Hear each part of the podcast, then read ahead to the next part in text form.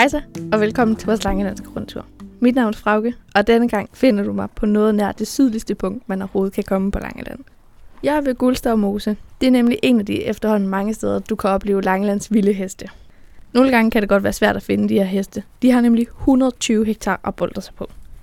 Og hvis det tal er lidt svært at forholde sig til, så er indhegningen rundt om arealet godt 7 km langt. Det svarer til den samme distance, der er mellem Rudkøbing og Spodsbjerg. Men tilbage til det, vi egentlig har fokus på.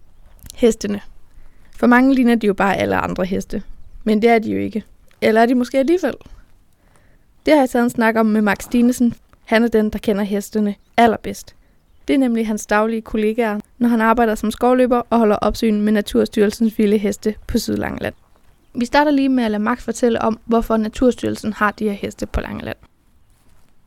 Jo, historien bag de vilde heste på Langeland start, det er jo øh, tilbage i 2005 6 tror jeg. Så var det så vores daværende skovrider Strandgaard måske nævnt noget om nogle vilde heste. Fordi vi har altid kendt at have den her ko, eller den her kvæg, eller det her kvige til at gå og, og græsse vores arealer af, og det er jo sådan et normalt billede for os nu. Og så studerede de lidt ind i, hvad, hvad for en vild hest, der har været tættest på, hvad vi har haft i Skandinavien. Og der fandt de sådan lidt frem til, at Exmoor ponyen, det var måske den, der, der passede bedst i de rammer, man, man havde at gå ud fra. Så derfor besluttede vi at gå med Exmoor ponyen. De heste, der går på Naturstyrelsens to områder ved Bangkok, er altså Exmoor ponyer. Og det menes, at den her race nedstammer fra de vilde heste, der levede i Europa for over 200.000 år siden. Det er altså også derfor, at de er i stand til at leve uden hjælp fra Max eller andre mennesker. Men hvad er det egentlig, der gør den her race særlig og i stand til at stå på egne ben? Det, det er jo faktisk en, en nærmest en almindelig pony, som egentlig øh, bare trives rigtig godt, fordi at den ikke har brug for alt muligt pleje, fordi den, den, den godt kan klare det selv. Øh, så det her med hårbeskæring og striling og sådan noget, det, det er ikke noget, vi gør i, fordi vi kan ikke få fat i hesten, så det skulle den kunne klare sig selv med. Det vil sige, at det er simpelthen så øh, groft, det den har. Altså, overpelsen den bliver skiftet nærmest to gange om året, så det ser ud til, at de, at de begynder med at se helt vildt mudret ud, jamen så er det fordi, de har været ude og mudre, så det kan godt se helt forfærdeligt ud. Så går der lige en dag, så har den lagt sig ned og rullet alt det her mudder af, så er den faktisk ekstremt flot igen.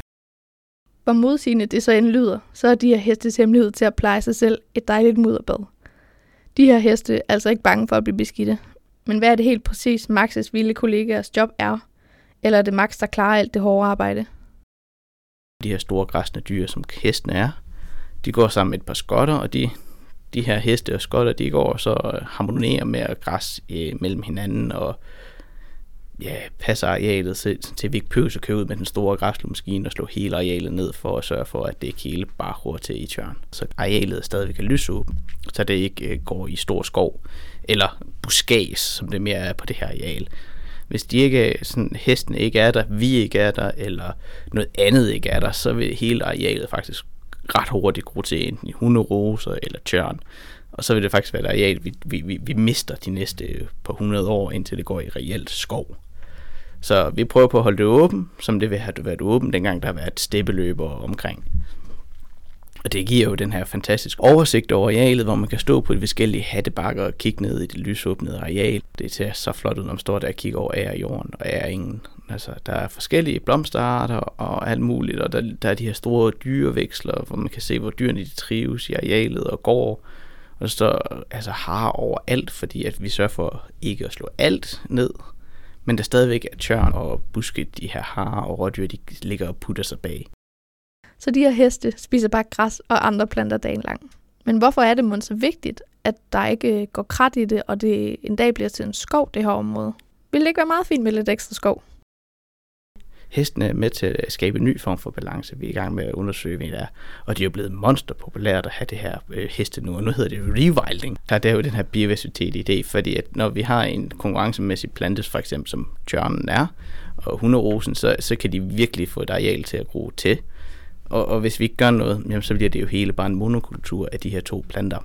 Og derfor er det, at vi både hjælper med at slå dem ned og sætter heste på øh, og prøver på at holde dem i skak. Men til gengæld så er de også okay for vores fugleliv, og de er også okay for harlivet og, og at alle de andre. Men det skal ikke kun være det, der er der. Så det der med biodiversitet, det er jo, det er jo hovedsagen i det hele. Så det er måske ikke hestene, vi skal se som det særlige ved det sted. Det er det, de gør. der bidrager til både plante- og dyrelivet i området, der er med til at gøre både stedet og dyrene til noget specielt. Prøv at se dig omkring, hvis du kigger rigtig godt efter. Så kan du finde super mange dyr og planter, som du til dagligt ikke støder på.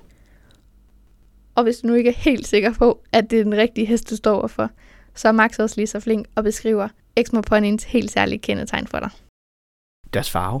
Ja. Øh, de er meget ensfarvet, øh, alle vores heste. De har den samme sådan brun, cremede farve og øh, høje sokker. Det vil sige, at den ned for hoven af. Der har den sådan nærmest øh, en øh, strømpebuks.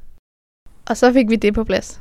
Max anbefaler desuden at følge en af ruterne rundt på det store areal og mener, at det er en god tur hver, uanset vejr eller årstid.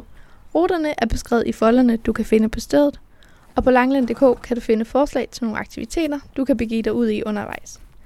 Det er også på langland.dk, at du finder resten af vores podcastserie, Lyden af Langeland. Vi håber også, at du måske har lyst til at dele din oplevelse med os på Instagram under hashtagget Lyden af Langeland, eller tag langeland.dk. Hvis du vil på flere opdagelser, så anbefaler vi, at du tager forbi Hulbjerg Jættestue, der ligger på Søgaardsvej. Her kan du blive fascineret af, hvad den langelandske stenalderbefolkning har været i stand til at bygge for mere end 5.000 år siden. Det er en rekonstruktion af jættestuen, og det er også muligt at bunde den indefra, hvis du altså tør at kravle ind gennem den smalle åbning. Tak fordi, at du har lyttet med. Jeg håber, vi lyttes ved til flere opdagelser.